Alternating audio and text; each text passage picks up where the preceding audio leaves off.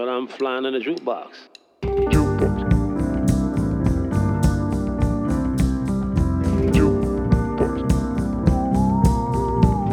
The flying jukebox.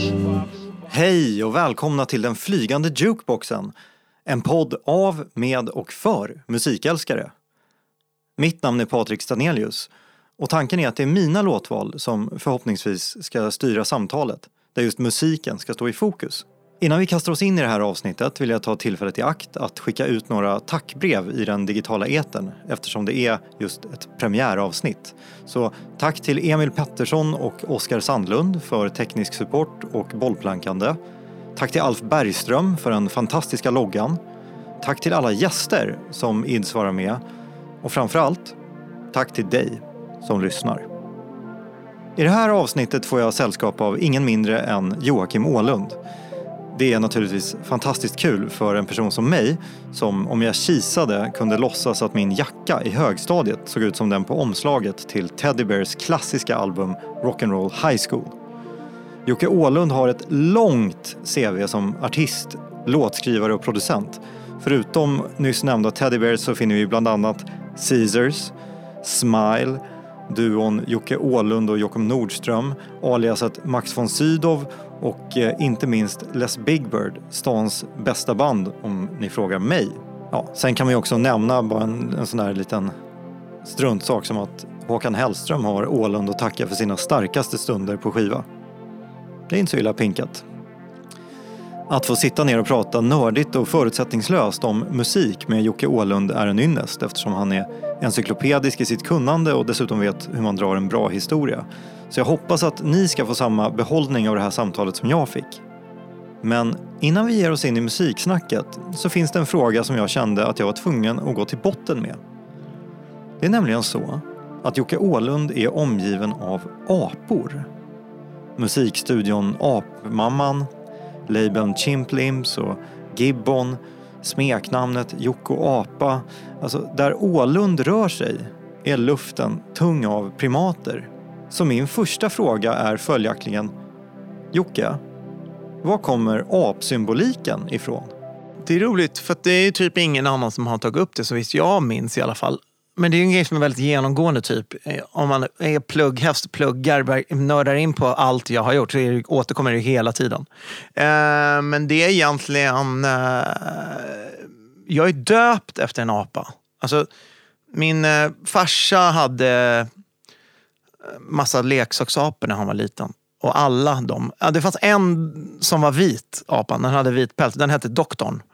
Eh, Men alla de andra som inte var han, de hette Joakim. Så därför fick jag en... Jag är döpt efter alla hans apor. Liksom. Så det kommer liksom från mitt första andetag i stort sett. Det har alltid varit apor på olika sätt. Ja. Ja. Eh, jag tänkte att eh, det är dags att spela lite musik. Vi bara kör igång direkt. Och eh, min fråga till dig är, har du någonsin varit på Kap Verde? Nej.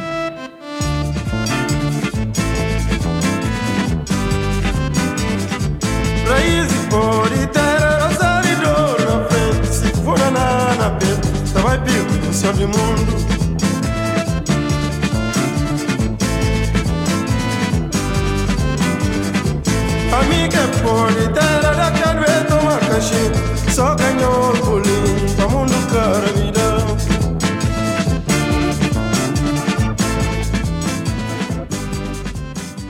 Anledningen till att jag valde den här låten som heter Pod Terra och det är någon sorts slaktad eh, version av portugisiska eh, av en eh, kapverdiansk artist som heter Joao Cirillo är att det finns en så sjukt bra storytelling bakom musiken. Och det är att en dag i mars 1968 så lämnar ett fartyg hamnen i Baltimore fullastat med syntar och eh, elektroniska instrument. Oh, wow. Moog, Rhodes, Farfisa och eh, destinationen är Brasilien för att det är någon sorts elektronisk musikmässa där som heter MC som skulle vara den första av sitt slag i Sydamerika med fokus på brasilianska och colombianska marknaden. För där ser alla de här tillverkarna en möjlighet att expandera. Här kan vi gå och tjäna cash. Ja, kort efter att fartyget lämnar hamn så försvinner det från skeppsradarn. Och lång tid senare så spolar i land på Kap Verde. Spolar i land, alltså har det förlist? vem vet? Det här Eller har är- det blivit typ kapat av, eh, av typ så kaptenen eller någonting? Att det, är så här, det är jävligt mycket off-kurs i Ja, alla fall väldigt, väldigt, väldigt, väldigt off-kurs. Ja, ja. Och, eh, enligt, då, enligt myten så kommer det dit portugisiska forskare som ska analysera det här vraket för att ta reda på hur fan det har... Ja, det är ett vrak alltså, det förliser alltså. Ja, det, det, det liksom ligger uppspolat, eller säger man uppspolat, Ja, det kan man väl säga. på land Ja. på, eh, på en av öarna i den här lilla ögruppen. Ja. Och eh, man gör, temperat- man gör liksom mätningar på fartygsskrovet, eh, heter det. Och eh, ser att det har skett temperaturförändringar som motsvarar sådana som uppstår när objekt faller genom atmosfären. Jaha, så du menar på att det skulle ha blivit liksom, eh, vad heter det, abductat av aliens alltså? Och sen nedsläppt igen? Kanske. Ja. Och eh, en av, de, eh, liksom, en, av princi- grund, Intressant. en av grundprinciperna är ju att man aldrig ska kolla en bra story. Nej, för att verkligen inte. Risken är att man blir besviken. Men det som i alla fall händer är att de öppnar eh, containrarna och upptäcker att det är fullt av syntar och sånt. Fy fan! Vilket, fattar du vilket drömfynd? Och de är liksom så pass välpaketerade så att de har klarat det här De också. klarar sig. Eh, Och då, Helt sjukt. myndigheterna bestämmer att eh, det här ska distribueras till de delarna av landet där det åtminstone finns el, det vill säga skolorna. Men det är inte så att det finns någon eh, brasiliansk eh, lirare där borta i avsändaränden som, som vill ha tillbaka sina... Nej, Åt, återigen, vi kollar inte den här storyn. nej, nej. Utan eh, den, den här låten är med på en samling utgiven av Analog Africa som Mm. heter Space Echo. Jag tror inte jag sett den samlingen Nej. någonstans. Men det låter som den är värd att införskaffa. Den är svinbra och det är, Ja. liksom, det är ett gäng tyska musikarkeologer som... Ja. Alltså nu ska vi inte skåda den här, vi ska inte skåda given häst i mun som det heter, eller vi ska inte gå, ska plocka isär den här storyn. Men har du hört talas om ett eh, projekt, musikaliskt projekt eller band som heter Kosmische Laufer? Eller något sånt där. Nej, men det, Som är ett så här tyskt, eller de säger att det är tyskt i alla fall. Men det är så här, lite så det är, det, känslan runt det är väldigt mycket hittepå. Alltså det känns så här som att det, det, det, de har gått ut, gått ut med, liksom, deras officiella story, är typ att så här, vi har hittat de här inspelningarna som gjordes för att inspirera det tyska landslaget i långdistanslöpning inför OS 1972 eller whatever, jag kan inte siffror och sånt där. Någonting i, det, i, i stil med det är liksom storyn i alla fall. Fast sen så känns det väldigt mycket som att det är så här, någon har gjort det där idag och hittat på, du vet det är så här oupptäckta krautpärlor. Du vet, så här. Man bara, det är ganska bra musik men det, på något sätt de gör det mer intressant genom att titta på den här backstoryn. Typ. I don't know. ja, jag fattar vad du menar, men i det här fallet så... Den här fartygsgrejen kanske är vässad, men faktum är att det dök upp syntar eh, på Kap Verde och en generation senare så fanns det en uppsjö av grymma musiker som inkorporerade elektroniska instrument i den traditionella musiken, bland annat stilen Funana som den här låten är, är skapad i. Och eh, medan vi spelade låten så nämnde du att det var lite skönt så här, dragspelsaktig vibe. Ja, precis. Det är någonting som låter så lite baklängesaktigt nästan, med så slow attack. Så här. Whoop. Exakt, och eh, i Funana som är en eh, kapverdiansk stil som förbjöds av de lokala myndigheterna fram till 70-talet för att den, var, den var för För den var subversiv. Liksom. Exakt, så är dragspel ett av, eh, huvud, eh, en av huvudingredienserna. Mm. Och då har de, nu har de så här, hittat något så här dragspelaktigt ljud i någon Ja, gammal Moog eller Yamaha Långsam CS80 attack. eller något sånt. Mm. Eh, exakt. Jävligt coolt i alla fall. Jag tänkte att vi håller oss kvar i den portugisiskspråkiga världen till eh, nästa låt.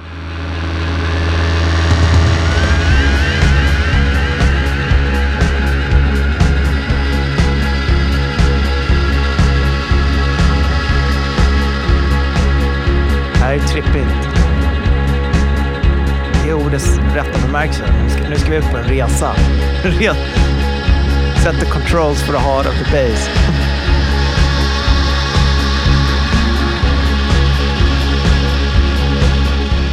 Jävla mäktig rave transmusik. Det är det som jag är fett svag för. När det är så här ravigt, transigt, monotont. Men inte bara så här copy-paste dataskit. Utan det är, så här, det är organ, alltså spelat med riktiga instrument. Så att det liksom lever och rör sig lite mer. Och är liksom så här, det här monotona, det blir inte bara så här... Äh, som alltså samma legokloss som kommer om och om, om igen. Men det, så här, det ligger kvar på samma ackord, samma groove, allting. Men det är ändå, det, genom att det blir så här små imperfections av att det är mänsklig touch så blir det ändå så här levande och håller sig intressant. Sånt är jag jävligt förtjust i. Ja, jag håller med. Det vi lyssnade på var den brasilianska duon Chakta. Eh, Aha. Återigen, slakta portugisiska, men det stavas R-A-K-T-A. Okej. Det är Ja, du klarar det mycket bättre än vad jag hade gjort kan jag säga. två tjejer från São Paulo. Och kul att det är två tjejer också. Det är- ju otippat. Det är ändå mansdominerad värld, även psykrocksträsket. Som resten, hela resten av skiten. Precis. Mm. Och, eh, Roligt! Fan, ja. det var svinbra det där. Jävlar, Ja. coolt. Alltså, det här är riktigt eh, bra för mig. Jag brukar ju likna mitt... Eh, jag, det pågår ett ständigt forskningsarbete. Liksom, att man så här, vaskar liksom, efter såna, exakt den här typen av eh, guldkorn. Man liksom får sålla bort hundratals, tusentals dåliga grejer för att någon gång då och då hitta såna här pärlor. Så det är ju jävligt kul. Men det var kul att jag hade helt missat dem. Jag hade aldrig hört talas om de här. En sak som, eh, som du plockade upp på medan vi lyssnade på är deras bruk av eh, delay eller eko. Mm. Att, det, att det, är, liksom, det används med eh, upprepningar eller eh, vad heter det? Ah, Jag tappar alla ord just nu. Vadå? Feedback eller? Ja, men precis. Med feedback där volymstyrkan i princip är oförändrad från, eh, från originalsignal till, eh, Ja, till ja, och ännu, och ännu mer till och med. Och det Alltså- känns som en klassisk ålundsk touch. Ja, men det, är, det, har ju, det, kommer, där har jag, det har jag från reggae-arvet.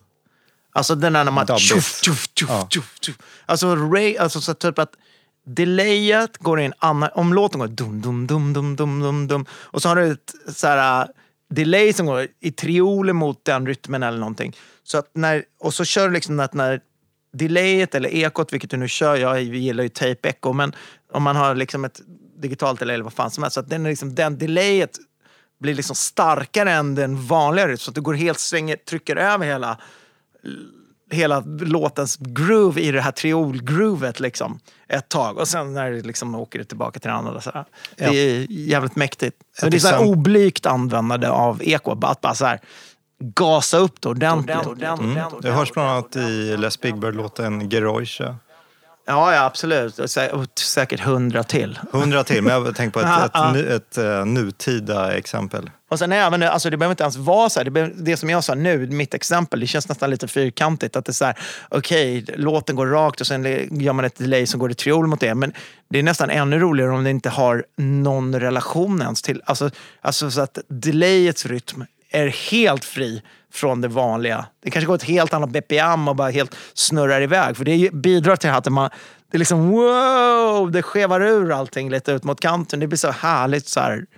Ja, det är ju psychedelic in the true sense of the word. Men så är det mycket i dub. Om man tar Scientist som exempel. Det låter ibland som att han får Verkligen. typ stroke och bara flyger iväg på Ja. regeln. Ja, men alltså använda liksom delayet eller ekot som det, det är ju verkligen som ett helt eget instrument. Alltså lika viktigt som något av de andra instrumenten.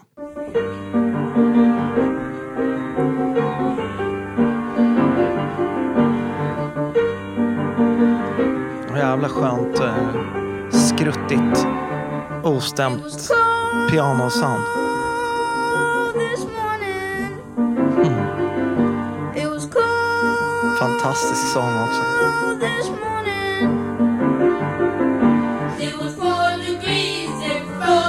Ja, för fan vad bra. Men jag undrar, blir skitnyfiken. Vi får se vad du säger sen. Jag blir så nyfiken på själva kompositionen. Inspelningen är helt fantastisk. Det är ett grymt piano, grymt skruttigt och fantastisk performance av sångers, sångarna. Men jag undrar själva kompositionen är ju fantastisk. Jag känner inte till den sen tidigare heller. Jag undrar om det är något som de har skrivit själva eller? Storyn är att eh, på 60-talet så finns det en eh, musiklärare i en skola i Rochester, Upstate New York, som heter Nancy Dupree. Och eh, hon känner att eh, kursplanen för musiken i skolan är svinbeige. Hon når, når liksom inte fram till sina elever som de flesta kommer från fattig svart bakgrund med låtar som Vad tar du för valpen där i fönstret? Eh, Beethovens femma eller, eller vad det nu var de skulle lira. Så hon bestämmer sig för att riva upp skolplanen, eh, läroplanen, skriva egna låtar. Fuck the curriculum. Exakt. och, eh, det, och så börjar hon också spela svarta artister för barnen som inte finns med i, i kursmaterialet. Hon spelar Miriam Makeba, Nina Simone, The Good Stuff. Och helt plötsligt så börjar de bli intresserade för musik för att de kan knyta an till det på ett annat sätt. Och hon skriver låtar som skildrar deras vardag där de på något sätt kan kanalisera sina känslor och sin verklighet. Och eh, den här låten, Cold, är en av dem som är med på albumet Ghetto Reality. Alltså, jag måste säga det är 10 av 10 poäng. Alltså, när man hör storyn bakom så blir man ju bara tårögd typ, av rörelse. Det är så fint. Det där är sånt skit jag lever för. Typ. Nancy Dupree får sparken från sin skola För att hon senare. har varit så liksom... eh, Hon är, hon är besvärlig, hon Mm. är svart, feministisk agenda, allt det där. Men den officiella anledningen är att hon vägrar bära högklackat. What? Okej. Men eh, liksom... eh, Men hur, hur, de här inspelningarna, är det bara inspelningar som hon själv har gjort? Hon har gjort dem själv och de gavs ut några år senare på skivbolaget Folkway Recordings för att Ah. hon hamnar bredvid Som för övrigt har en jävligt snygg logga med Mm. den där fina gitarren och allting. hon hamnar bredvid Folkways-chefen Moses Ash på ett flygplan. Mm. Och under flygresan så tjatar de på honom tills han säger okej, jag ger ut det.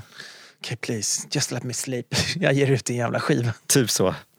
Och jag snubblade över den här tack vare The Avalanches. Jag tycker annan låt. nästan det är lite helgerån. Alltså det behövs inte. Du vet, jag, jag, alltså, Avalanches är bra. Jag, och jag hade kunnat gjort någon liknande grej själv. Mm. Men de, de vill bara, Avalanches vill bara liksom tappa in på den här uh, guldet som finns här. Och de kan aldrig nå upp i den nivån själva. Det här är guld. Men, Men, men ja. Samplar låten James Brown från samma album som låter lite så här, vi tar några sekunder. Sjunger de om James Brown? Ja, för de hade varit och sett en Åh, konsert fy med James fan Brown. vad magiskt. Hon tog med dem och kolla. Och så skrev hon låten sen. Ah. Born in Augusta, Georgia, James Brown. Oh fuck yeah, det här är så grymt. Born in Augusta, Georgia. Tre av tre hittills som jag ska bara direkt gå ut på Discogs och dammsuga och köpa alla de här tre skivorna du har spelat upp för mig. Har du jobbat med barn i någon sån här utsträckning? I musikalisk kontext? Mm, Nej, jag gillar ju inte barn. Nej, jag skämtar bara. Nej, men det, man måste ju få säga det. Ja, om men jag gillar barn. Men, eh, nej, men, nej, det har jag faktiskt inte gjort. Eh, Jag, jobbade med, jag och brorsan jobbade med... Jo, i och för sig. Alltså, jag och brorsan jobbade med... Hur säger man nu då? Funktionsnedsatta barn. Funktionsvarierade tror Ja, jag funktionsvarierade är termen en- au jour. term of the week. Ja, eh, i alla fall när vi var... För våra morsa har alltid jobbat med det sen vi var små. Så vi har liksom alltid hängt med henne på jobbet och liksom typ vuxit upp bland eh, såna eh, människor och sådär. Och hennes, liksom, ja, de som hon har jobbat med. och Så. Så när vi, Claes och jag blev så här lite äldre och började spela och hålla på med musik själva, då, hade vi liksom, då gjorde vi det med dem. Alltså som en typ så här studiecirkelverksamhet. Varje torsdag eftermiddag liksom och spela boogie-woogie. Och det var fan skitkul. Eh, och sen lyssnade vi på deras liksom så här, uh, favoritplattor. Och det var alltid... Det var en- snubbe där som var hårdrockare. Han ville alltid höra på Deep Purple och sånt där. Alltså. Ja, det var ju, det var ju skittrevligt. Men du har aldrig fått impulsen att i någon kontext har du jobbat mer seriöst, dra in till exempel en barnkör? eh, Du, Jo, jo, men det har vi haft. Alltså flera gånger. Vi, dels så jobbade vi med, med Baby Trish. med Baby Teddy Trish. Bears. Hon var ju bara typ 13 eller 12 eller något sånt där när vi spelade in här.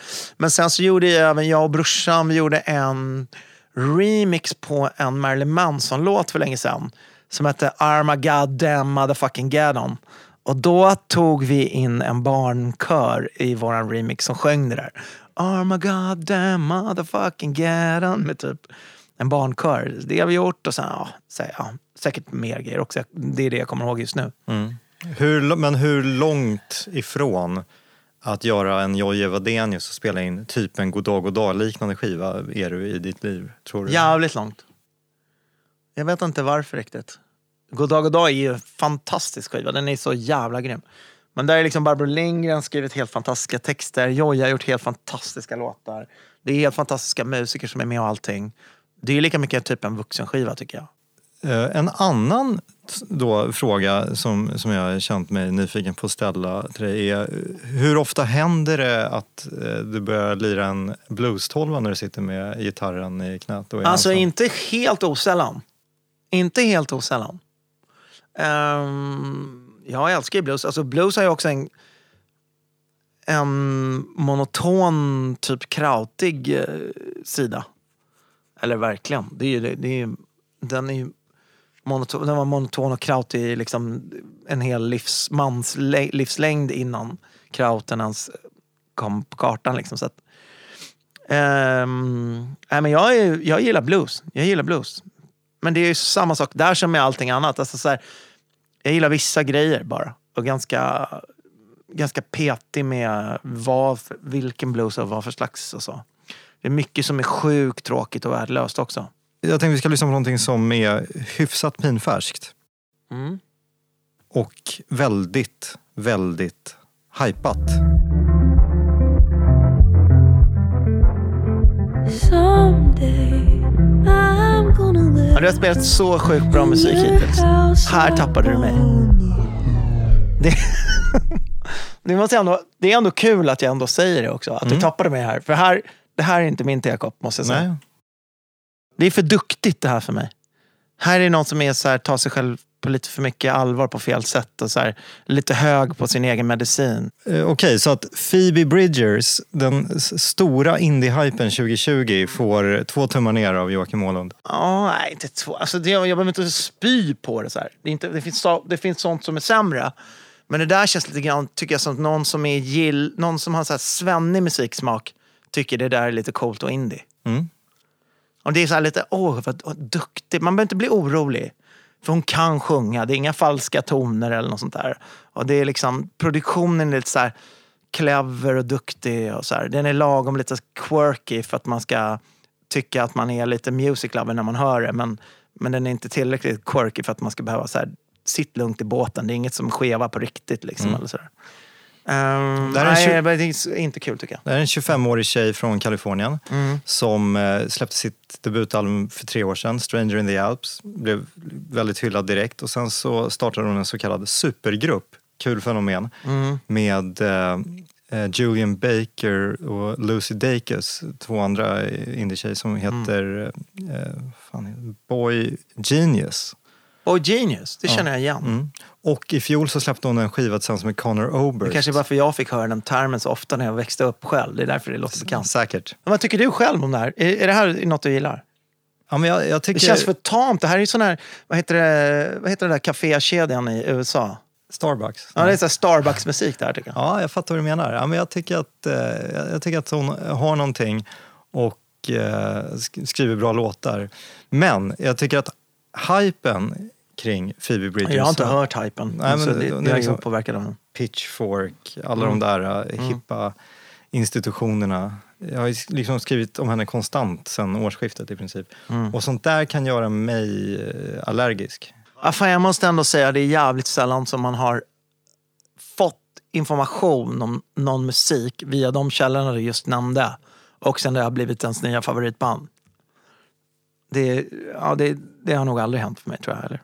Men det är också lite som... Ändå kollar jag in dem också. Det jag är ju så här, håller också lite pejl på så här, vad, vad som händer ute, fast jag nu inte hört talas om det här. Men jag kollar ändå in så här, vad Pitchfork skriver om och sånt där. Och så, för jag vet inte varför. Men det är också lite som att eh, någon så osynlig makthavare bestämmer sig för att någonting ska bli it-grejen. Exakt. Nej, men jag tror att, jag tror att liksom, eh, det är nog som du säger också, det finns krafter som där bakom som har bestämt sig för att det här ska pushas ut.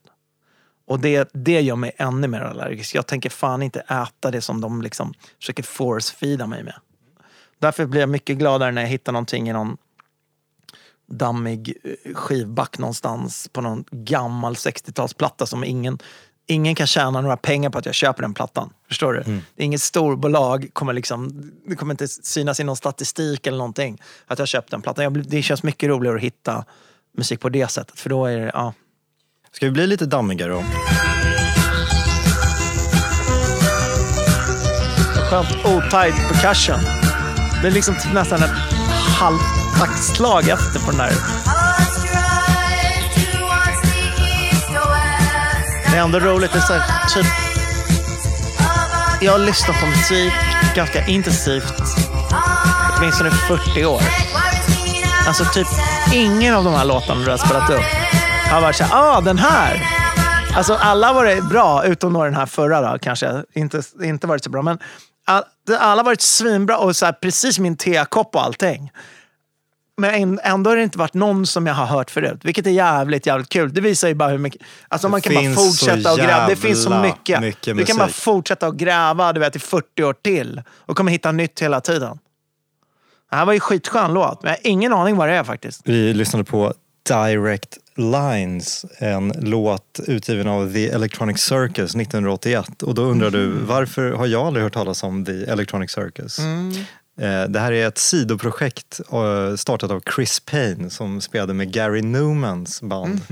Slutet på 70, början på 80. Och eh, han ville göra sin egen grej, startade Electronic Circus tillsammans med en tjej som heter Penny Heathcote som vi har på sång. Men det blev bara en sjutummare. Okej, fantastiskt fin låt. Hur hörde du talas om det här? Eh, Maria Lindén, I Break Horses Maria, la upp en karantänspellista på Spotify eh, under våren.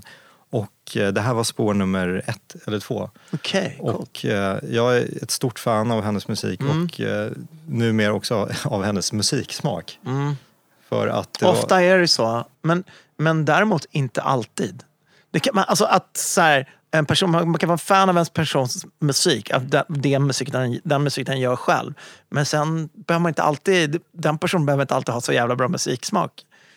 Men, men ibland är, när det korrelerar så är det ju, ja. Ja, jag intervjuade henne inför eh, släppet av eh, Warnings, hennes senaste ja. album. Och då passade jag på att fråga om hur det egentligen gick till när hon eh, hamnade på They Worshipped Cats. Mm. Och eh, jag kan inte tänka mig att eh, historien utspelar sig särskilt mycket annorlunda men i hennes version så gick du i princip fram till henne på något söderhak och sa det är du som är, det är du, du är med i stans bästa band, du ska vara med på min skiva. Okej.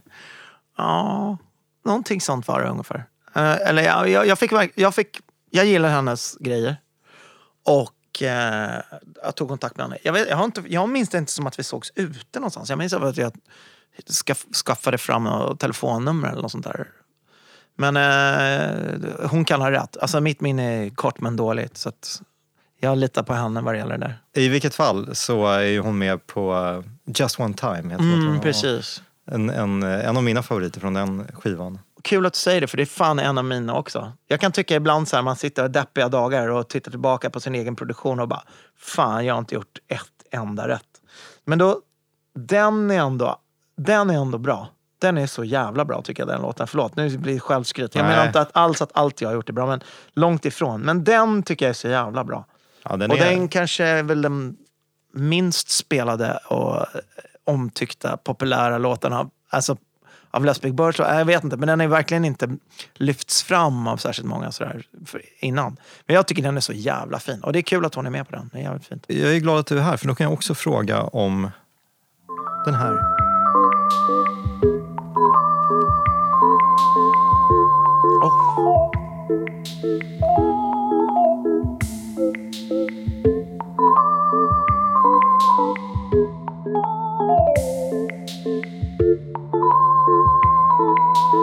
Den här är fantastisk. Men jag, jag ska säga en grej på en gång om den här låten. Att den här låten kan... Jag ska inte sno åt mig äran om den här låten för fem. Det här är Klabbes baby. Vi, vi gjorde ju liksom den här plattan efter att... Först fick Claes ett jobb för att um, göra musiken till den här uh, Dramatenföreställningen. Bla, bla, bla. Han gjorde den musiken och sen så tänkte vi så här, fan, vi kan lika gärna göra en platta av det som Teddy Bears typ. Och då gjorde vi, då gick vi in i studion och gjorde de här kompositionerna som han hade gjort till Kung Carlos då, som den hette, uh, den här pjäsen. Och då gjorde vi om dem och liksom, vi teddybearsifierade dem lite grann. Och må, många av dem är så här, kan jag säga att jag har en del i. Att jag har typ så här, kompositionerna är nästan, skulle jag säga, nästan alltså klabbe hela vägen. Men hur vi liksom arrade dem och gjorde dem i studion där och sånt var jag delaktig i. Men däremot vad det gäller just den här låten så är det 100% Klabbe. Alltså jag tycker den är helt grym. Men jag, kan inte, jag ska inte sitta här och säga åh, jag tog, vad jag tänkte och kände när jag gjorde den där låten. För det har jag ingenting att göra med. Det är bara det är klabbe 100%. Så det, han, den är helt grym. Men den är skit... eh, Den är tyvärr inte, jag kan tyvärr inte ta åt mig ära för den. Nej, och eh, Jocke, har, du har pratat om det som att eh, alla är införstådda, men det var alltså låten Ebolis, eller kompositionen Ebolis dans från musik ur teaterföreställningen Don Carlos.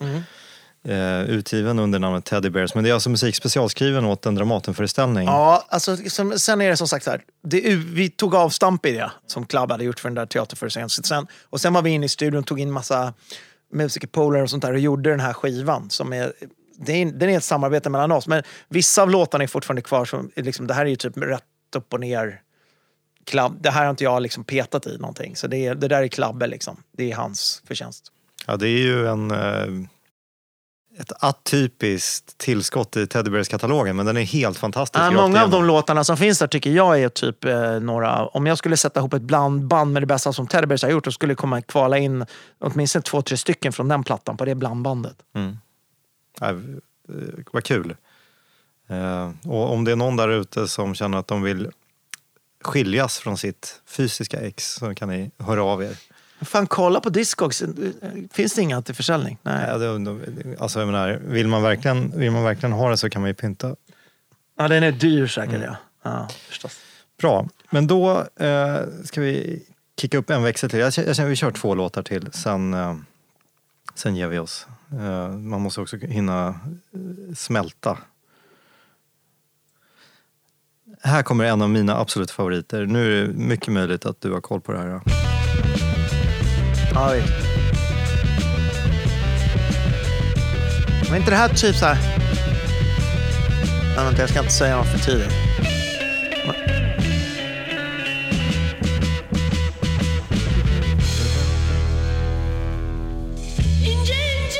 Ja, Inchi Inchi. Det är Zelda Bajan, eller hur? Jag såg henne live på eh, Berwaldhallen. Fy fan, fan vad mäktigt det var. Alltså här i Stockholm. Jag, jag, jag, bara, fan, jag visste inte att hon... Det var inte så länge sedan heller. Det var liksom eh, kanske fyra år sedan eller fem år sedan. Jag, min tjej och min son var där och kollade. Alltså vi typ bölade alltså, konstant genom hela giget. Så jävla fett. När hon kom in på scenen, alltså hon är ju typ så här 1,30 lång eller någonting. Jag bara kom in så här, du vet. Och det var ju bara, det var ju liksom bara Sverige-turkar i publiken. Alltså det blev sånt jävla ställ där inne. Det var sån vibe så att det gick inte att hålla tårarna tillbaka. Det var så mäktigt, så väldigt sjukt. Och den där lilla 1,30 långa tanten kom in på scenen. Det var liksom, du vet, som att, eh, nej, du vet, tapeterna krullade sig, du vet. Ja, Nej, det var helt sjukt. Nej, hon är ju fantastiskt grym. hon har bag. Som hon Ja, skämta inte. Och det är också väldigt häftigt att hon är så modig. Alltså Ja. regimkris. Den här låten, Inji Inji Birkari Jaglan, betyder fritt översatt typ eh, snön faller på de fattiga. Jag skulle vilja att jag fan kunde turkiska för att fatta de där texterna Ja. mer. Hon har också gjort en låt som heter Yaz Gazeteci Yaz som betyder skriv, journalister, skriv. Skriv om orättvisorna i vårt land. Varför finns det ingen press som vågar stå upp mot överheten? Ja, men hon är ju sån hjälte för folk där och det fattar man ju. Alltså, men man hör, även om man inte kan texterna, även om man inte fattar riktigt vad hon sjunger så fattar man känslan. Man sveps med som fan alltså. Ja, det och så är det så sjukt jävla heavy och svängigt och grymt. Det är typ turkiska Black Sabbath låter det som, som är bakom här liksom. Ja. Det skulle kunna vara liksom någonting från Masters of Reality eller vad fan som helst. Fett! Då har vi, jag har en perfekt send-off.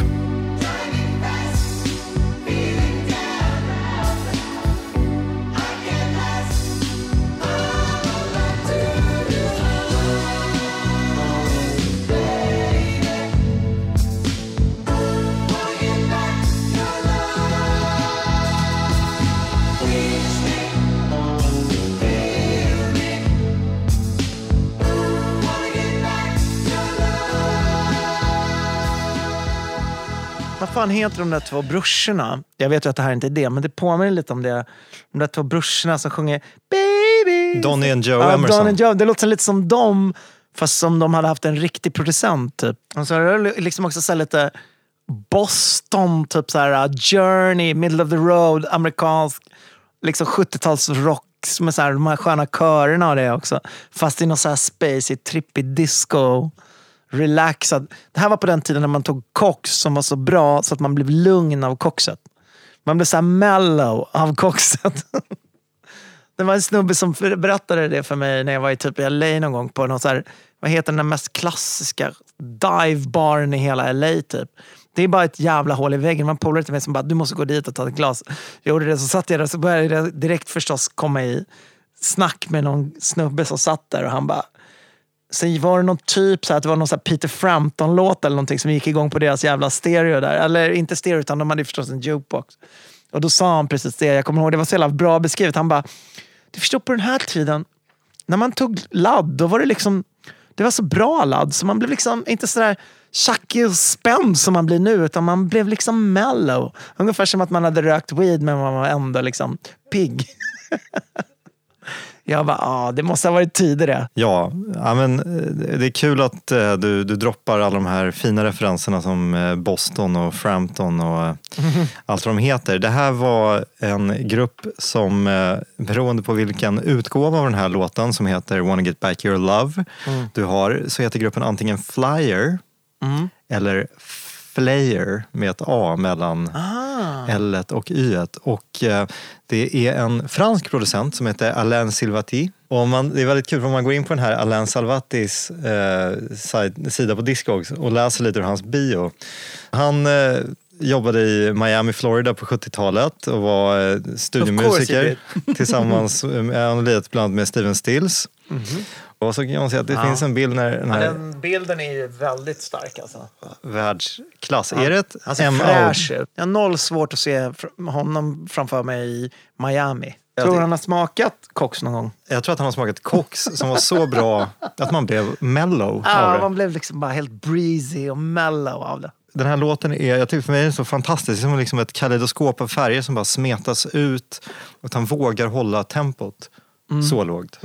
För det finns ju, jag tycker att det finns som ett dragläge eh, mellan liksom, sväng och lunk där man precis, alltså det går ju typ att dansa till det här men det är inte så långsamt att man får hjärtstillestånd. Nej, men den är nog mer, alltså, mer gjord för att bara ligga så här på ett båtdäck på en riktigt krallig så här, motorbåt så, som blåser fram eh, i Miami. Liksom. Jag blir på väldigt gott humör varje gång jag hör den. Verkligen. Ja. Bra blandning på, på låtar också i, i det här avsnittet måste jag säga.